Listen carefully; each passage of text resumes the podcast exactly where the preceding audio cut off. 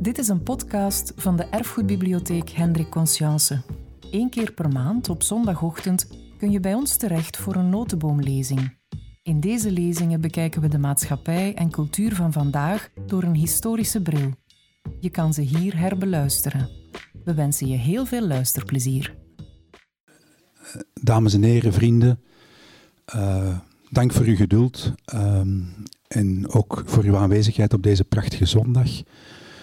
Uh, ons verjaarjaar loopt ten einde. 68, mei 68. Het is de laatste lezing in de reeks. Uitzonderlijk twee lezingen in november, omdat er vanaf volgende maand een tentoonstelling wordt opgebouwd hier in de Notteboomzaal. Bij de vorige lezing van Dirk de Wachter had ik ook al gezegd dat het een dubbele verjaardag was. We hadden toen 68, um, in de zin van mei 68, maar ook die specifieke dag, 11 november 68. Ik heb, heb u toen herinnerd aan een moment uit de Vietnamoorlog, uh, wat blijkbaar niet meer wordt herinnerd, wat toen uh, wat niet meer wordt uh, gevierd. Um, vandaag, en dat is iets dat mij dan verbindt met de spreker Pascal Verbeke, is het ook een ander verjaar, jaar, en dat is 1928, het overlijdensjaar van Paul van Ostaaien. Paul van Ostaaien is overleden in een kuuroord Le Vallon in Miavois. Pascal en ik, samen met Koen Peters en, en Peter Holvoet Hansen, zijn daar naartoe getrokken. We hebben daar een boek over gemaakt. En we hebben daar ook een hoorspel over gemaakt voor Clara. En we zijn dan ook vrienden voor het leven geworden. De lezing van vandaag is een beetje een bijzondere lezing in de reeks. Uh, het is vaak gegaan over de mythe 68. Vandaag gaat het eigenlijk eerder over het sociaal-economische leven. En de Pascal heeft eigenlijk mij attent gemaakt. En tot nu toe heeft eigenlijk niemand dat gedaan. Op de hele grote verandering voor België in het hele sociale economische klimaat. In die zin dat eigenlijk uh, voor de eerste keer er meer werklozen zijn in uh, Wallonië dan in Vlaanderen. Ook de titel van een van zijn eerste boeken, Arm Wallonië, gaat erover dat dus eigenlijk um, vroeger Vlaanderen arm was en dat dus de Vlamingen uitweken naar Wallonië. En 68 is daar blijkbaar een kanteljaar in.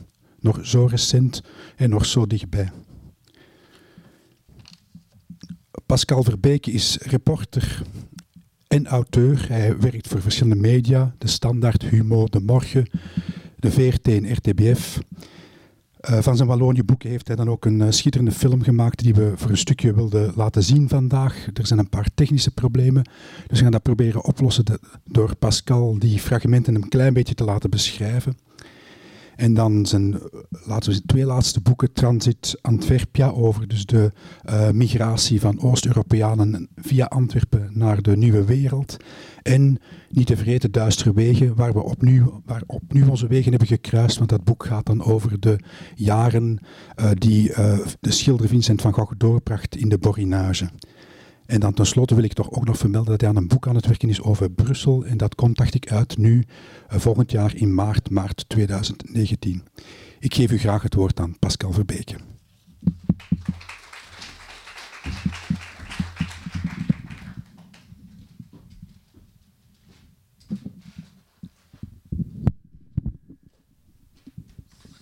Uh, bedankt uh, Koen. Uh, ik ga. Wacht hoor, ik weet niet of de kabel lang genoeg is om, om tot hier te komen. Ja. Um, ja, ik ben geprogrammeerd hier vandaag in een lezingenreeks over uh, mei 68. Uh, ik ben zelf geboren in 1965, dus ik heb zelf geen heldere of weinig heldere herinneringen aan dat revolutiejaar. ik zat toen in de eerste kleuterklas bij, bij juffrouw Lieve in Moskou Arsenaal in, in Gent. Um, dat was een volkswijk, een, uh, een ACV-wijk zou je kunnen zeggen. De meeste mensen stemden daar op. Uh, ja, de vertegenwoordigers van het ACV die op de lijst stonden van de, van de CVP in, in die tijd nog. Een wijk van kleine lieden. Um, en ik moet eerlijk zeggen dat ik daar in de jaren volgend op 68, neem maar heel het decennium van de jaren 70, nooit iemand heb horen spreken over uh, 68, over mei 68, over alles wat er uh, eind 68 gebeurd is. Ik heb nooit een boek van Herbert Marcuse zien liggen ergens, uh, nog bij mij thuis of nog bij iemand die, ik, die ik kende. ik heb nooit iemand horen spreken over de seksuele revolutie, om, om er iets te zeggen. En ook al die andere thema's die verbonden worden aan eind jaren 60, mei 68, die, waren, die blonken eigenlijk uit door afwezigheid in het milieu waar ik zelf opgroeide. Uh, wat er toen wel heel erg aanwezig was, dat was de spirit van 1958, van de expo, namelijk het verlangen om materieel vooruit te gaan. Ik ben zelf opgegroeid in een huis zonder centrale verwarming, zonder badkamer. keuken stelde eigenlijk nauwelijks iets, iets voor. En dat was, dat was gewoon toen. Hè. Ik wil je maar zelf niet afschilderen als iemand die geleden heeft onder een Dickensiaanse jeugd. Dat was gewoon de, de, de realiteit van, van iedereen die je kende daar in die, in die wijk in Gent. Uh, waar waren ons ouders mee bezig, zoals ik al zei, niet met de idealen van 68, maar met die van 58. Uh, die wilden vooruit in het leven, die wilden uh, huishoudapparaten, uh, die wilden een auto, die wilden een, een televisie, later een kleuren televisie. En, en ja, die sfeer van, van consumentisme, voor, materiële vooruitgang, die typeerde wel heel erg die, die jaren zeventig. En, en veel minder, of, of wat ik al zei, het milieu waar ik in rondliep, helemaal niet wat er in 1968 in gebeurd is. Over 68 is er het voorbije jaar, ja, denk ik, uh, een camion papier volgeschreven. wat mij er vooral in opvalt, is de, de, ja, de, de, verschillen in mening erover. Zelfs bij de mensen die 68 bewust hebben meegemaakt, die er zelfs heel erg actief in waren in die studentenbeweging. Dat gaat van Piet Pirijns, die zegt van ja, de meest meest tastbare gevolg van 68 uh, eh, is misschien wel die opmars in de media van veel mensen ter linkerzijde. Uh, anderen zeggen dan, uh, maar ja, die revolutie van 68 die is eigenlijk nog volop bezig. Hè. dat is namelijk typisch voor revoluties, dat ze niet meteen ergens een soort grote verandering teweeg brengen, maar dat die, dat die fallout zich decennia later manifesteert. Ehm, misschien is het allemaal waar. Ehm, nogmaals, ik heb het, ik heb het allemaal gelezen.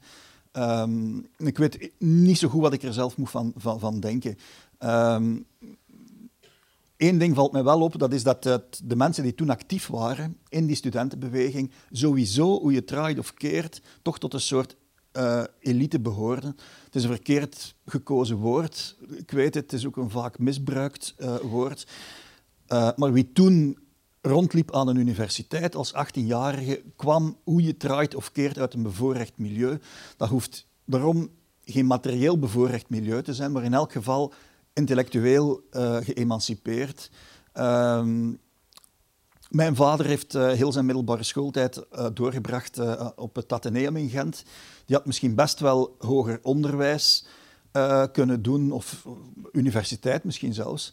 Maar in dat socialistisch milieu waar die uitkwam, was dat compleet not done. Hè. Dat was zelfs een beetje verdacht om uh, in, in dat kleine werkmansmilieu om die stap te zetten naar de universiteit. Want wie ging zijn broek verslijten vier jaar lang aan een universiteit als je meteen geld kon gaan verdienen? Uh, en en ja, ook daar zat die spirit van 58 ook, ook uh, heel erg in. Dus ehm, ja, ik heb, het was toch een soort elite. Uh, misschien zijn er mensen hier in de zaal die het, die het bewuster meegemaakt hebben uh, dan ik en die er anders uh, over denken. Maar ik denk dat het simpele feit dat het toch ja, een bevoorrechte club was, dat dat ook maakt dat er zoveel mensen vandaag er niet echt een een, uh, ja, een heel heldere herinnering aan hebben aan die, aan die 68.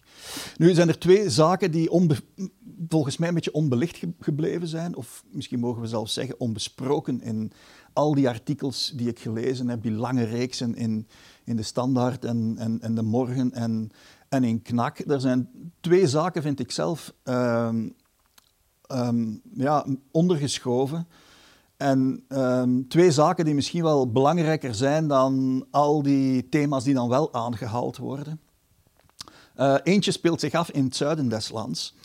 Um, er wordt over Leuven-Vlaams altijd gesproken in termen van trauma, uh, uh, ja, groot verdriet enzovoorts.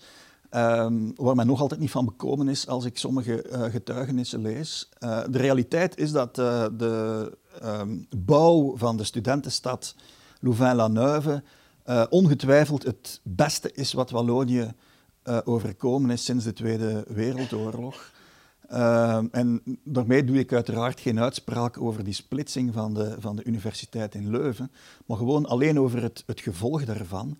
Uh, op het moment dat de uh, Waalse industrie aan het, aan het instorten was, van, uh, op dat moment nog niet in de regio Luik, maar zeker wel al in de Borinage, zeker wel al in, in La Louvière en, en Charleroi. Ja, op dat moment is daar een, als een UFO in de, in de bietenvelden een een, een, stad van de, van de geest gebouwd, die vandaag de belangrijkste economische motor ook is van, van Wallonië. En als je in die dorpen die de taalgrens, aan de taalgrens grenzen um, er gaat wandelen of rondrijdt, bijvoorbeeld Ottenburg, dan zie je dat die plaatselijke bewoners, we bevinden ons dus in Vlaanderen, klagen over ja, al die vrachtwagens en, en al dat verkeer dat door een dorp rijdt richting uh, Louvain-la-Neuve. Dus ze klagen eigenlijk over de economische dynamiek van, uh, van dat deel van, van Wallonië. Toch wel, toch wel merkwaardig.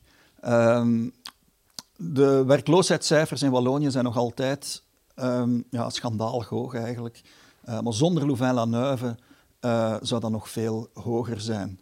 Dus aan de ene kant een trauma, ongetwijfeld, hè, zeker voor die proffen en die studenten die op dat moment daar rondliepen in, uh, in, in Leuven. Maar voor de huidige generatie Walen is Louvain-la-Neuve eigenlijk een godsgeschenk.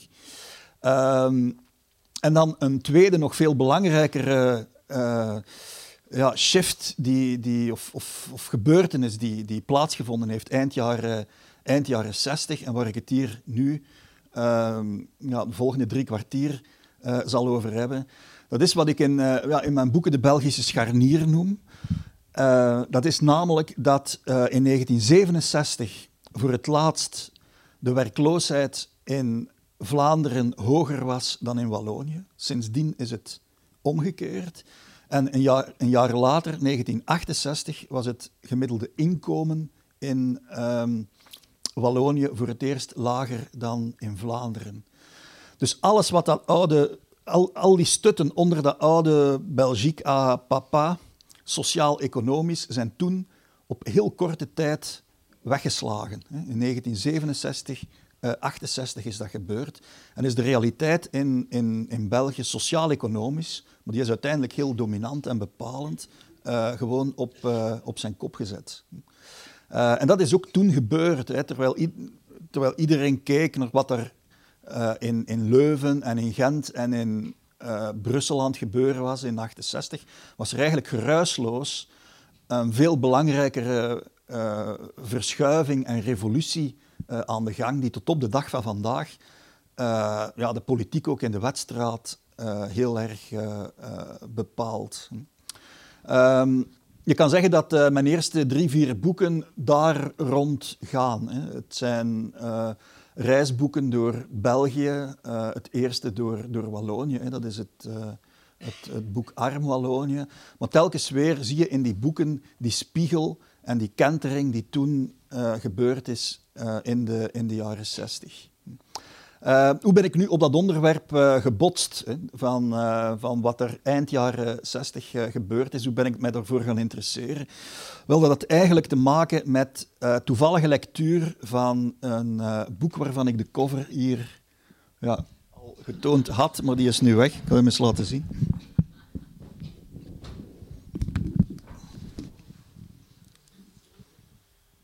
Ja, hier is het terug. Ja, dus het, um, dus het boek Door Arm Vlaanderen van uh, August de Winne. Dit is hier de originele cover uit uh, eh, 1903. Um, ehm, ja, wat staat er in dat boek? Dat zijn reisreportages door Vlaanderen, geschreven door Auguste Winne. En Auguste Winne was een journalist van het socialistische dagblad Le Peuple. Dat was eigenlijk het officiële dagblad, de officiële krant van de toenmalige Belgische werkliedenpartij, Parti Ouvrier uh, Belge, toen nog een unitaire partij, waar dan later Partie Socialist en, en aan Vlaamse kant dan nu SPA uit voortgekomen zijn. Dus je moet het in die context zien. Hè. Het was een, militante socialist, Auguste Winne. En die heeft in 1902, hè, want het boek dateert van 1903, maar de reportages in de krant dateren van 1902, die heeft toen een lange reis gemaakt, vergezeld door een fotograaf, Leffenburen, door Vlaanderen, door Oost- en West-Vlaanderen vooral. Provincie Antwerpen is, er, is er niet bij, voor zover ik weet. Nee, is er niet bij. en hij beschrijft hoe toen, aan het begin van de, van de 20e eeuw, Vlaanderen aan het, aan het sterven is. letterlijk hoe mensen in, in kleine dorpen hongeren, Ehm, hoe ze paardenkadavers eten om te, om te overleven. Het is een soort aftocht in de hel. Een onwaarschijnlijk boek. Um, zeer ten onrechte vergeten ook, vind ik zelf. Ik, ik zou dat op alle lectuurlijstjes in scholen ook zetten, omdat het op een heel directe en harde ongenadige manier een stuk geheugen ook teruggeeft. Hè. En voor mij was dat een, een verrassing. ik, had er, ik wist natuurlijk wel dat de, de, de goede oude tijd dat die nooit bestaan heeft en dat Vlaanderen ooit um, ja, een arme landelijke streek geweest is. dat was mij ook wel bekend. Maar de mate waarin, dat was mij totaal onbekend. Hè. En verhaal na verhaal deelt die Auguste Winne hier in zijn reportagereeks eigenlijk uppercuts uit. Ik zal, er, ik zal drie fragmenten kort um, ja, voorlezen, een paar paragraafjes, meer niet, om u een idee te geven um, waar hij het zoal over heeft en wat hij vaststelde tijdens zijn, tijdens zijn tocht.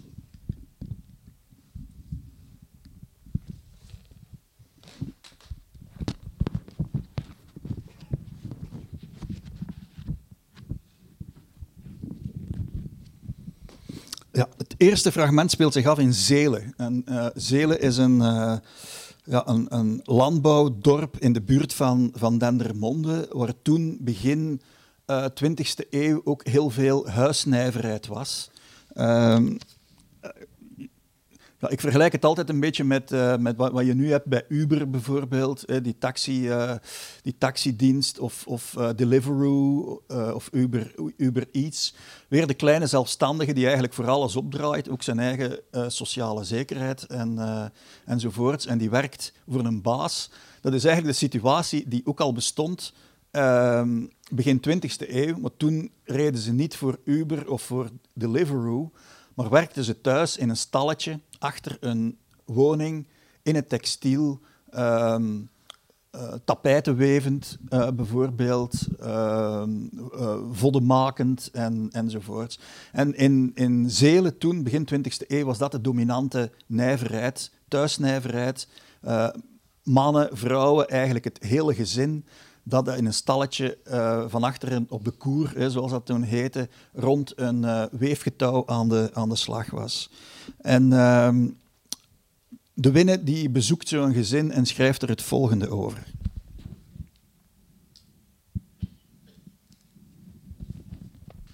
We kloppen aan bij een wever in Zelen. We gaan binnen en ik kijk rond. Pijnlijke ellende. In elk van de twee kamers is er een strooien bed met versleten, vuile lakens die onder het stof van het spinraad zitten. In het bed, in de achterkamer, naast het getouw, slapen twee kinderen. Het jongste is maar een paar weken oud. Er is één raam zonder glas. In de voorkamer een waggelende tafel, kreupele stoelen met gebroken pikkels of zonder rugleuning. Een oude kist. Er is geen vuur. Buiten blaast een ijzige wind. En er is ook een foto van, die zal ik u nu laten zien.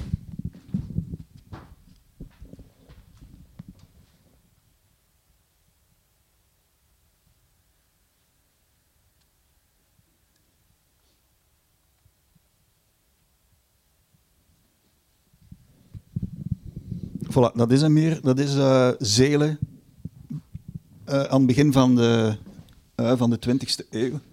Je ziet er ligt nog een baby ergens uh, naast het uh, weefgetouw. Een uh, tweede fragment dat mij, dat mij trof was, is gesitueerd in Gerardsbergen. Um, en het gaat als volgt.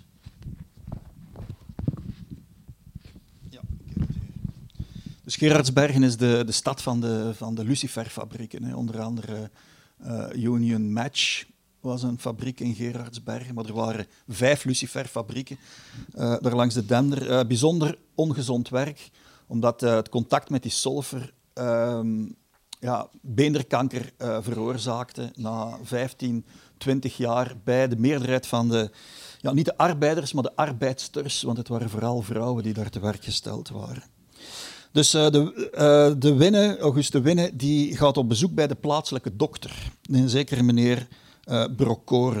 En die zegt, uh, volgens dokter Brocorens wordt de ziekte pas duidelijk na uh, eh, 10 à 20 jaar werken in de fabriek. Ze duurt 16 tot 18 maanden. De indopers, dat zijn de mensen die de lucifers in de, in de zwavel doopten, die lopen het meeste gevaar. Koud vuur aan het onderkaaksbeen. Uh, men vindt het vooral bij de arbeiders die de ramen losmaken, bij de inpakkers en de indopers. In het ziekenhuis van Gerardsbergen, stelt de Winne vast, bewaart men onderkaken die men aan arbeiders moest ontrukken om het bederf van hun onderste schedelbeenderen te verhinderen. Ze worden als zeldzaamheden aan de bezoekers getoond. Dus kennelijk was er in het uh, hospitaal van Gerardsbergen begin 20e eeuw een soort uh, horrorkabinet uh, van tentoongestelde, geamputeerde beenderen, onderkaaksbeenderen, en dan vooral van die lokale arbeiders. dat, gaf, dat gaf mij te denken om twee redenen. Wat ik al zei, dat was mij allemaal totaal onbekend. De tweede reden heeft ook alweer te maken met mijn eigen familiegeschiedenis. En dan kom ik bij het begin van mijn praatje. Uh, ik ben opgegroeid in het huis bij, uh, bij mijn grootouders, die uit die streek afkomstig waren. Dus de streek van Gerardsbergen, Ninove, uit dorpen die... Uh, ja, die dorpen heten Idegem en, en, en Oppasselt, maar die palen dus aan, aan, aan de steden Gerardsbergen en en Ninove was ze vandaag, het is weer, eigenlijk weer volop in het nieuws door de verkiezingsuitslag in Ninove, was ze door de marginale driehoek noemen, Gerardsbergen, Ninove, uh, Aalst. Hè. Dat, is, dat is eigenlijk de, de streek waar mijn grootouders langs moederskant vandaan kwamen. Um, die zijn geboren in 1904, uh, eh, mijn grootmoeder, wijlen mijn, grootmoeder, wijlen mijn grootvader in 1907. Dus dat is min of meer die tijd van, van de winnen. Uh, toen zij geboren zijn, liep de winnen er rond. Dat gaf me wel heel erg uh, te denken. Ineens kwam dat verhaal ook wel zeer dichtbij. En hoewel ik er verder weinig over wist, wist ik ook wel dat mijn grootouders voor de Tweede Wereldoorlog die streek verlaten hebben, omdat er eigenlijk geen perspectief was. Er was, er was nauwelijks werk of zeer ongezond werk. En ja, het was uh, die kwamen ook uit het zeer kroostrijke boerengezinnen. Mijn grootvader, waren ze met veertien thuis, eh, mijn grootmoeder met meer dan tien. Uh, dus er was ook te weinig land voor die, voor die boerenkinderen, dus die moesten een heil elders gaan zoeken. Mijn grootouders zijn uh, naar Gent verhuisd. Ehm, wat wat ja, voor mij niet onbelangrijk is, dat is de reden dat ik daar dan ehm, ehm, geboren ben. Maar heel die familiegeschiedenis die kwam toen toch eigenlijk wel, uh, wel heel dichtbij. En, en ja, ze hebben er nooit, uh, nooit over verteld. Um, tja, waarom? Ik weet het eigenlijk niet. Ik denk dat het ook niet echt een glorieus verhaal geweest is, hè, een jeugd. Dat zal ongeveer het verhaal geweest zijn wat uh, de Winne hier, hier beschrijft. Ik ben er toen een beetje gaan induiken in die, in die verhalen. En wat mij toen op, opviel, en dat was eigenlijk een tweede grote schok, uh, is dat uh, die streek daar, dus die marginale driehoek, al in de 19e eeuw leegliep, maar niet, recht, niet noordwaarts richting, richting Gent en andere steden, uh, maar zuidwaarts. Dat er tienduizenden uit Zuidoost-Vlaanderen terechtgekomen zijn in Wallonië. En dan vooral in de streken rond Charleroi en La Louvière. En dat had te maken met de treinverbinding in die richting. Dus er was een trein die van Gent-Sint-Pieters ehm, reed naar La Louvière. En vanaf Gerardsbergen werd dat een, ehm, een boemeltrein, omdat in elk van die dorpen daar ja, mannen opstapten die overdag gingen werken in de industrie van La Louvière uh, of in de steenkoolmijnen ook heel dikwijls. Hè. En op die lijn ligt bijvoorbeeld Galmaarden, uh, bekend mijnwerkersdorp in Vlaanderen. Uh, het station van Galmaarden is een mijnwerkersmuseum. Daar ligt ook op dat dorp van Urbanus, de naam ontsnapt me nu eventjes. Tollenbeek, ja, Tollenbeek, op het dorpsplein van Tollenbeek staat ook een grote mijnwerkerslamp. Dat was ook een dorp van mijnwerkers vroeger. Die, die um, trokken allemaal naar La Louvière om daar overdag te gaan werken, s'avonds terug te keren. maar honderdduizenden zijn nooit teruggekeerd. En die zijn in Wallonië uh, gebleven. Het, uh, alles samen zijn er ongeveer een 500.000-tal Walen met een Vlaamse achternaam. Dus dat geeft ergens de omvang van die, van die migratie aan. Die is enorm geweest. Dat betekent dat één Waal op zes van Vlaamse afkomst is. En als je maar lang genoeg een stamboom terugvolgt, dan kom je altijd uit in een uh, August de Winne uh, verhaal van ja, te weinig perspectief, armoede soms, en uh, dan toch maar de beslissing nemen om uh, ja, andere oorden op te zoeken. En ja, Wallonië was tot de Eerste Wereldoorlog, kan je zeggen, de derde belangrijkste industriestreek, niet alleen van Europa, maar van, van de wereld. Hè. Na Amerika en, en Engeland. Er zijn enorme uh, fortuinen uh, verdiend ook, die trouwens naar Brusselse holdings gegaan zijn, niet naar, die, naar de mensen zelf daar. Uh, maar er waren altijd handen tekort. Vooral in de glasnijverheid, in de steenkoolnijverheid en in de staalnijverheid. Hè. Die, drie, die drie sectoren. Men denkt dikwijls dat die Vlaamse, Wallo die, die Vlaamse migratie naar Wallonië dat dat over boeren ging. Ja, dat is een deel van het verhaal, maar de overgrote meerderheid van de Vlaamse emigranten in Wallonië zijn in de industrie uh, terechtgekomen. En dan gaat het vooral over um, ja, drie grote regio's. Um, in het oosten heb je de, de streek rond Luik-Seraing. Dat is heel belangrijk geweest. Uh, er zijn uh, tienduizenden Limburgers neergestreken. Ehm, je kan zelfs zeggen dat Limburg op een bepaald moment in de 19e eeuw gewoon aan het leeglopen was richting Luik, Seraing. Er waren in de staalfabrieken van uh, Cockeriel Sambre in uh, Seraing, langs de Maas daar, er waren ploegen van duizenden arbeiders, van uitsluitend, uitsluitend Limburgers. Een bekendste familie is, dat zijn wellicht de Onkelingsen. Hè. Die zijn na de Tweede Wereldoorlog nog vertrokken. het is een beetje een, bijzondere familiegeschiedenis, omdat die ja, die grootvader van Lorette Onkelings was oorlogsburgemeester. Die zijn er eigenlijk een beetje in de duiken moeten. Oorlogsburgemeester van Jeuk, een dorp in Limburg. Die zijn eigenlijk een beetje moeten wegvluchten na de Tweede Wereldoorlog. Dus in, die, dat opzicht is hun familieverhaal atypisch. Maar het is wel typisch in die zin dat het allemaal al arbeiders bij Cockerill Sambre waren, de Onkelingsen. Uh, en dat die elke ochtend met een bus na de Tweede Wereldoorlog over en weer reden van Jeuk naar uh. En op een bepaald moment, om allerlei redenen, dus ook dat oorlogsburgemeesterschap van de grootvader, die zijn ze zich in, uh, in gaan vestigen. Um, ja, uh, de vader, Gaston Onkelings, vader van Lorette, die heeft er een enorme carrière eigenlijk gemaakt. Hè. Eerst bij de vakbond, FGTB, later bij, bij de Partie Socialist, is ook 13 jaar lang burgemeester van uh, Ougré Seraing geweest. Uh, dus heel belangrijk bastion, dat is Luik-Seraing. Um, dat heeft niet alleen Luik-Seraing veranderd, maar dat heeft ook Limburg veranderd. bijvoorbeeld het dorp van de waar de Onkelingsen vandaan komt, Jeuk, uh, Goyer, dat was het eerste socialistische dorp van Limburg. nog lang voor Stevaart was dat een, een rood dorp in ja, die katholieke oceaan die op dat moment Limburg nog was.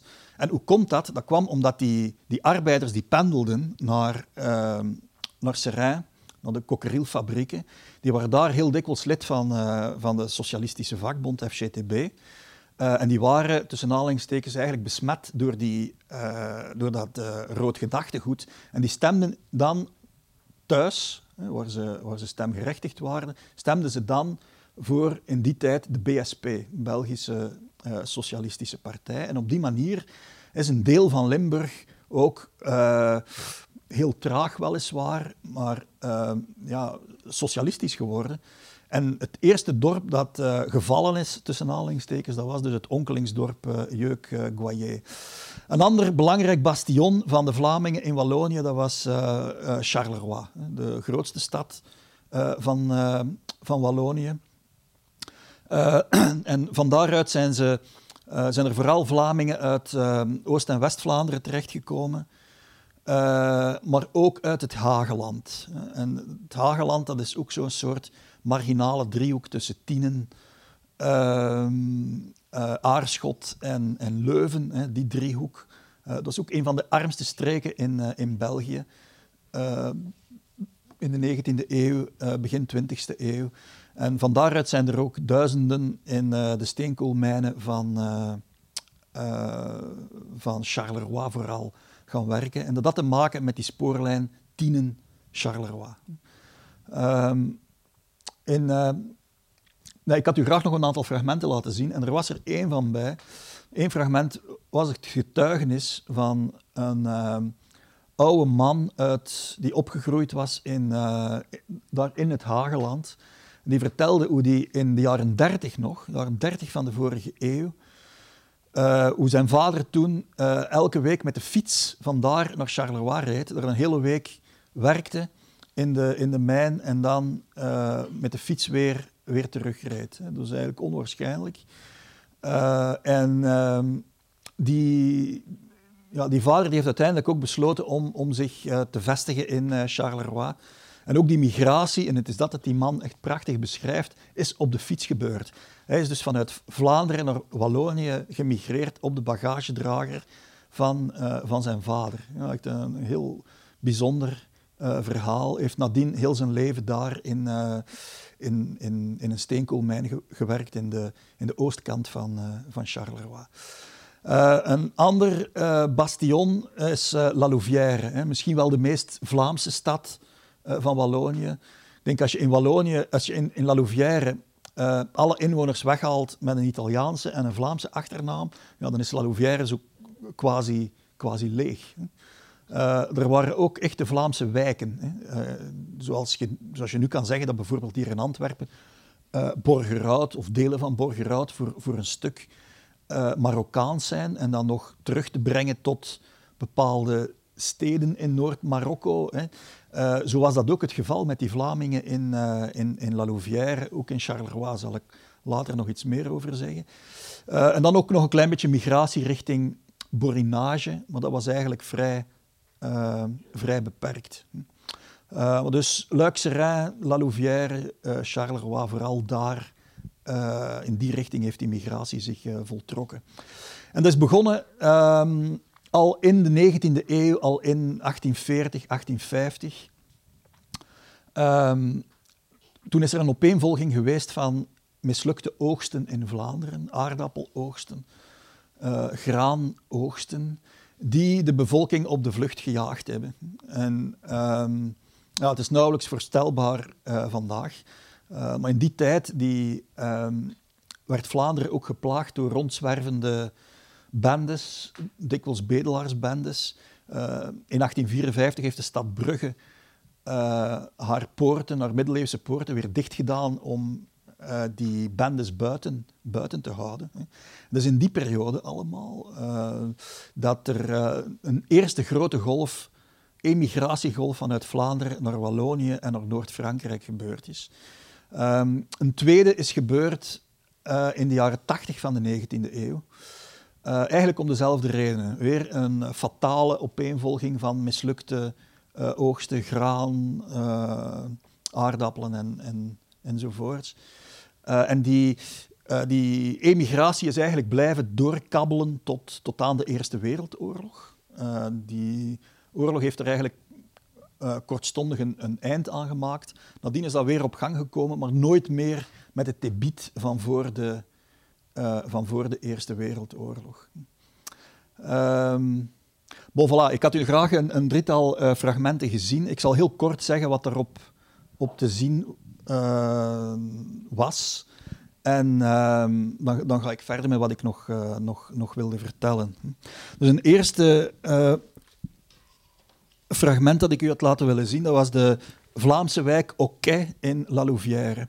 Dus als je, je moet, dat, moet dat eens doen, op een, uh, een, vrije, uh, een vrije dag, trein nemen naar La Louvière, afstappen in um, La Louvière Centre. Want La Louvière heeft twee uh, stations. Het is een enorm uitgestrekte gemeente, urban spread, een beetje zoals Los Angeles. Hè, omdat die um, stad op een zeer anarchistische, urbanistisch-anarchistische manier tot stand gekomen is.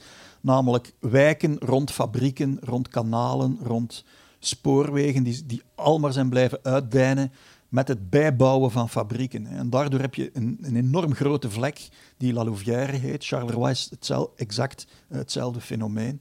Uh, en, en, dat is ook de reden waarom dat La Louvière, dat uiteindelijk niet zo heel veel inwoners heeft, toch twee stations heeft. Hè, omdat, het zo, omdat het zo groot is in oppervlakte. Dus je moet uh, La Louvière Centre nemen als afstapstation. En als je daar buiten komt, dan loop je recht op de oude fabrieken van Royal Bock, de porseleinfabrikant. Iedereen heeft nog wel uh, wel een servies, overgeërfd servies van ouders of grootouders uh, staan met die prachtige stempel aan de onderkant van die borden en die koppen. Royal Faïencerie Royal Bok. die ligt vlak naast het, het station van, van La Louvière Centre. Fabriek is afgebroken. Ik heb in de beelden die ik had, laten, had willen laten zien, stond de ruïne er nog. Het was eigenlijk een onwaarschijnlijk grote fabriek en een onwaarschijnlijk vervallen ruïne, waar toch nog ingewerkt werd. Hè. Tot, tot, op het einde, tot een jaar of zeven, acht geleden, weliswaar op beperkte schaal. maar dan achter die fabriek, als ik dan naar La Louvière ging, aan de achterkant stonden dan die, die containers met de borden die ze weggegooid hadden, waar een defaut in was. Maar meestal was die defaut eigenlijk nauwelijks, nauwelijks te zien. Dus als je dat wist, veel mensen gingen daar eens gaan, in die bakken gaan kijken uh, uh, om, om, om, om er borden uit te, uit te halen eigenlijk. Is allemaal gedaan, is nu een museum sinds uh, een jaar of twee. Maar achter die fabriek van Royal Bok, daar ligt die Hokkaiwijk. En de Hokkaiwijk, dat was een van de belangrijkste Vlaamse wijken in, in Wallonië. En zeker de belangrijkste Vlaamse wijk van, van La Louvière. Um, die wijk was voor 95% Vlaams, tot, kan je zeggen, de Tweede Wereldoorlog. Nadien is dat, uh, ja, is dat anders, anders geworden. Er zijn nog migratiegolven overgegaan. Als je er nu rondloopt, zie je er vooral veel Italianen rondlopen, een klein beetje Marokkanen ook. Maar het hart van de wijk, en dat is wel heel bijzonder, en dat maakt het, dat maakt, het ritje ook wel de moeite waard. het hart van de wijk is een, uh, een voetbalplein, Stade Trifet, uh, waarop de voetbalclub van La Louvière gedebuteerd is met een volledig Vlaamse ploeg. Dat is weinig bekend. Maar dus de Wolven, Les Loups, dat is een bijnaam. Ze zijn nog, kampie, ze hebben nog een Belgische beker gepakt, zelfs in 2006. Een club van traditie. Dat was een Vlaamse club in, in, in Wallonië. Net zoals Olympique Charleroi bijvoorbeeld een Vlaamse club was. Uh, die hebben in de jaren 50, omdat ik hier in Antwerpen ben, kan ik dit detail wel uh, vertellen. Uh, in de jaren 50 hebben die op een bepaald moment heel Berchem Sport opgekocht. Olympique Charleroi. Dus wat dit geheel te, terzijde. Um, maar dus oké, het hart van oké is een voetbalveld met er, um, waar ooit ook een wielerpiste rond lag. Die is nu wel weg. En ja, voor die Vlaamse expats, zo kan je ze noemen, kwam daar de top van de Flandriaans, kwamen daar uh, rijden hè, op, die, uh, op die wielerpiste. Onder andere um, Cyril van Houwaard, dat was een heel bekende was zo de Eddy Merckx van zijn tijd, die ging daar uh, rijden. En ja, dat was een beetje hetzelfde fenomeen als je nu hebt wanneer de, uh, de, de Giro d'Italia start in Seraing of in Luik. Dat is een paar jaar geleden ge, uh, gebeurd. ja, dan staan er ineens tienduizenden Belgische Italianen die zich er toch nog mee verbonden voelden. Dat was eigenlijk exact hetzelfde fenomeen als daar met die Vlamingen in, in La Louvière.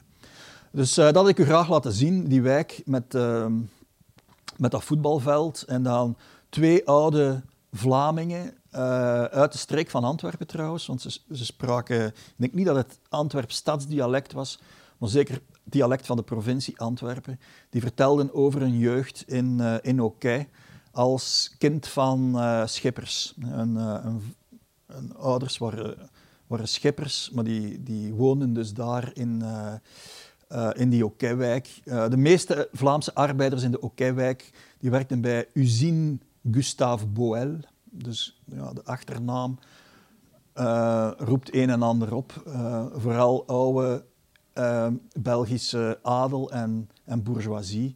En die waren uiteindelijk eigenaar van, van, al, die, van al die fabrieken en, en steenkoolmijnen en zo. Hè. Als je het, het geld volgt, kom je uit bij Brusselse Brusselse adel. Dus ook, ook die genaamde Gustave Boel, een gigantisch fabriekencomplex, ook daar naast die uh. Dat was het eerste fragment dat ik u uh, had willen laten zien. Een uh, tweede fragment was een, uh, een, getuigenis van een seizoenarbeider uit Scherpenheuvel. Um, een zekere Warre, Warre Serré, die als kind uh, met zijn ouders op de bietenvelden ging werken. Uh, we spreken nu over de jaren, uh, de jaren 60. Dus dat is toch nog niet zo, zo heel lang geleden. En hoe dat eigenlijk zijn leven verwoest heeft. Hè. En, ehm, die, ehm, ja, die moest ook ingeschreven zijn op school in, in dat dorp waar hij ja, meehielp de bieten rooien. Dat was Orpe-le-Grand, dus in, de, in de buurt van, uh, ja, ook provincie Luik, uh, buurt van uh, Warem, hè, dat is er vlak, vlakbij. En ja, die vertelde hoe, hoe zij, ja, die, die Vlamingen er eigenlijk zo'n beetje bekeken werden als zigeuners. Hè. Toch een soort onderklasse, wat ze ook absoluut waren. Hè. Zij waren daar de onderklasse. Uh, hoe de gendarmerie op maandagochtend altijd de, de schoolklas binnenkwam om te controleren of hij, of hij daar wel was en, uh, enzovoort. Dus dat was een, een, een heel intimiderende omgeving eigenlijk. Uh, en dan ook nog eens ja, dat labeur op die velden, want alle uren buiten de schooltijd werden op de, op de, op de velden doorgebracht. En voor die man was er altijd een blessure gebleven in, uh, in zijn leven. Um, dan was er nog iemand, een uh, oude leraar um, Nederlands uit, um, uit Wallonië, die uh, boerenzoon, die ook ja, seizoenarbeiders over de vloer gekregen had in zijn jeugd en die ook zelf getuigt van ja, hoe slecht die eigenlijk in dat dorp gezien waren. Uh, ze werden echt gezien als ja, uitschot, hè, daar komt het op neer. Een beetje uh, zoals vandaag ook naar andere nieuwe geïmmigreerde groepen gekeken wordt, maar die parallel die is er wel, is er wel uh, overduidelijk. En dan is, was er nog een derde uh, fragment dat ik wilde laten zien. Ja, dat, was de, dat waren de grote werken in, grote infrastructuurwerken in Wallonië. Um, um, kanalen, spoorwegen, die zijn ook aangelegd door door Vlamingen. Uh, eind 19e eeuw al, uh, enfin, tweede helft van de 19e eeuw, begin, uh, begin 20e eeuw. en dat was in, in het fragment dat ik had willen laten zien, een professor, die historicus, Yves Queriot, die trouwens een geweldig boek geschreven heeft over die Vlaamse immigratie daar in, in Wallonië. Die loopt in, langs een kanaal uh, het, het uh, kanaal du Centre in, uh, in, in La Louvière trouwens. En die legt uit hoe, hoe dat aangelegd is door, door, door die Vlamingen, hoeveel labeur dat, dat gekost heeft enzovoort. Je ziet er ook die oude scheepsliften staan. Um, en één kilometer verder staat die nieuwe scheepslift van Strépitieux.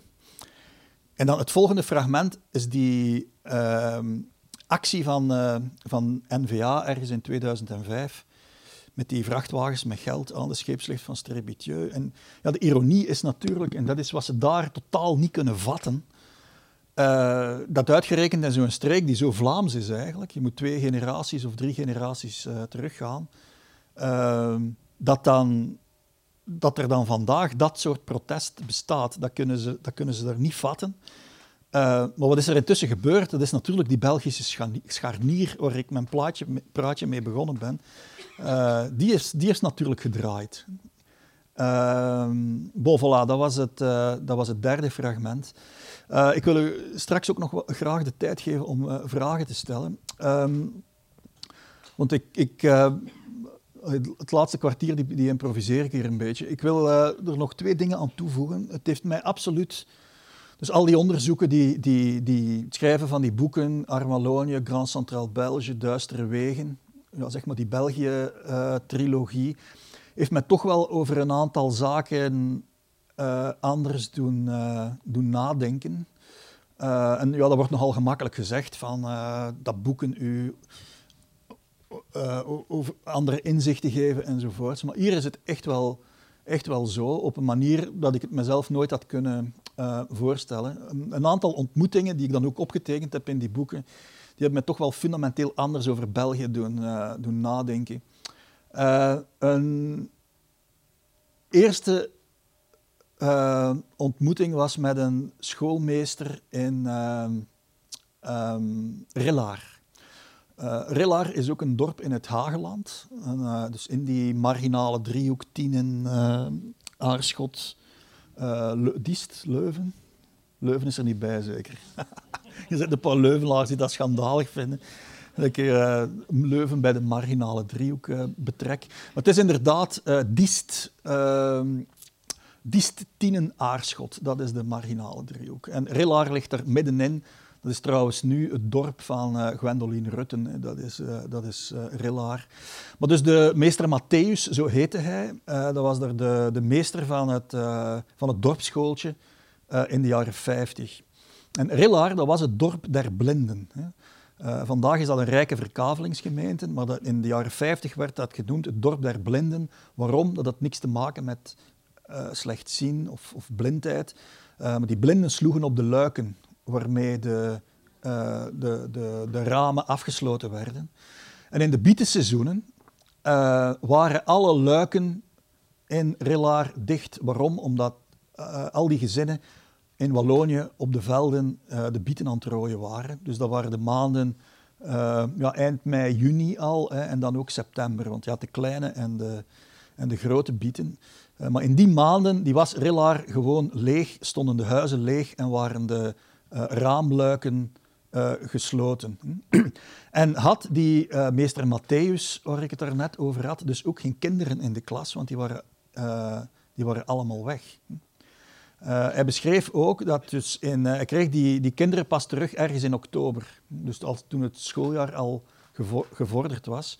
En hij zei toen liet ik die altijd een paar weken gewoon in een bank slapen, omdat die oververmoeid waren. En een, ja, door het trooien van die bieten stonden hun handen eigenlijk ook een beetje krom, waardoor ze heel slecht een potlood konden, konden vasthouden, ze konden zich slecht concentreren enzovoort. Dus hij zei in de feiten begonnen mijn lessen eigenlijk pas in november omdat ze er in, september domweg niet waren. En in oktober liet ik ze gewoon rusten in, de, in, in de klas. We spreken dus over 1957, 58.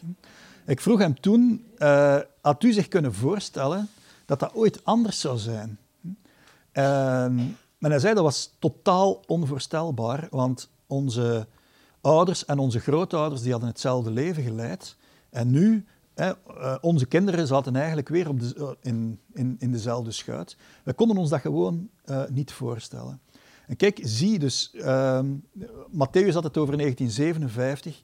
Tien jaar later was het dus wel gebeurd. Hè. Was, het, ge, het gemiddelde inkomen in Vlaanderen voor het eerst hoger dan in Wallonië. begin jaren 60 al verschenen de eerste depositokassen in, in, in, in Relaar. Dus waar het eerste gespaarde geld op een rekening kon, kon gezet worden. In de jaren 60 werd er van, vanuit dat dorp ook al niet meer naar Wallonië gegaan. Dat is dus op een paar jaar tijd gebeurd. Die kentering is ongelooflijk snel gebeurd. waar gingen die mannen wel naartoe? Wel naar grote Brusselse werven. en dan vooral ehm, Expo, hè, daar, is het, daar is het mee begonnen. Maar dan nog andere grote werven in Brussel. Hè. Die hebben eigenlijk de, de, de, arbeid richting Wallonië op dat moment uh, gestopt. Ja.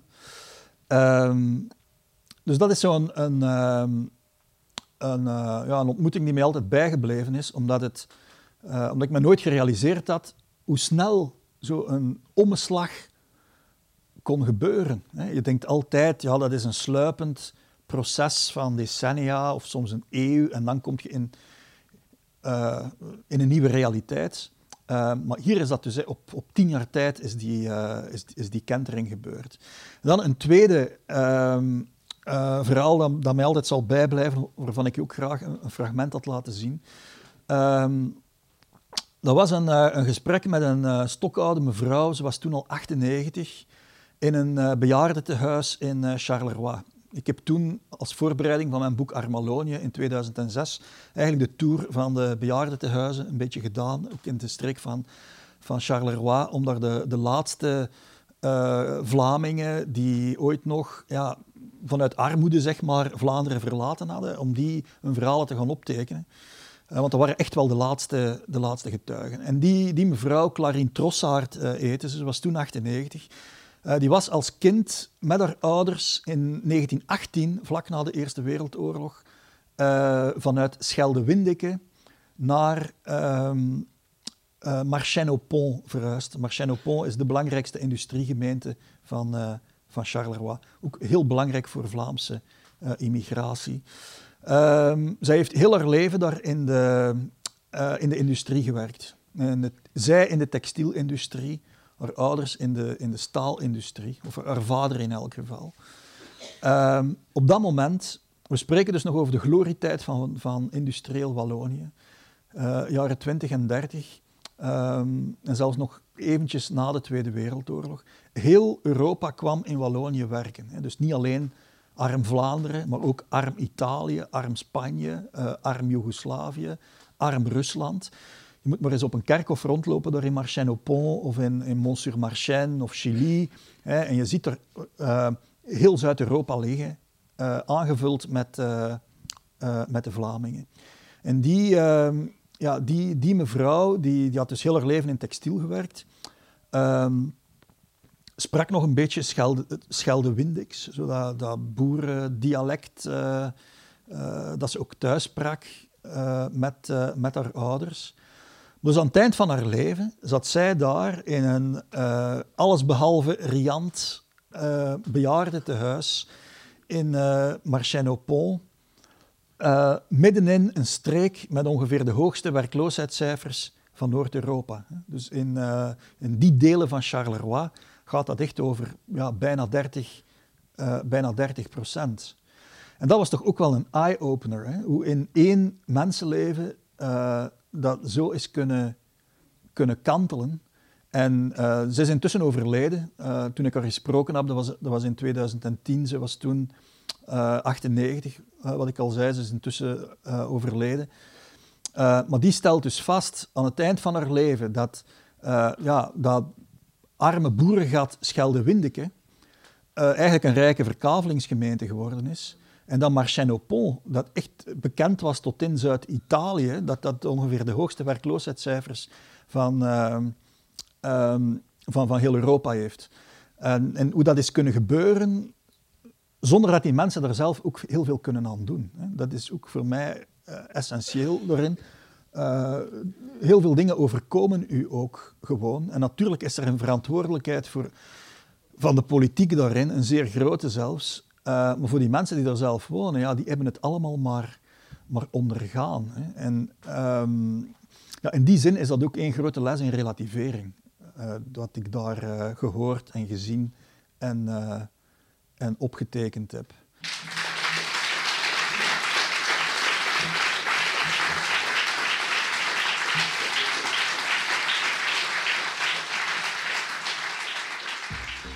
Je luisterde naar een podcast van de Erfgoedbibliotheek Hendrik Conscience. Wil je nog een andere lezing beluisteren? Ga dan naar www.consciencebibliotheek.be-herbeluister.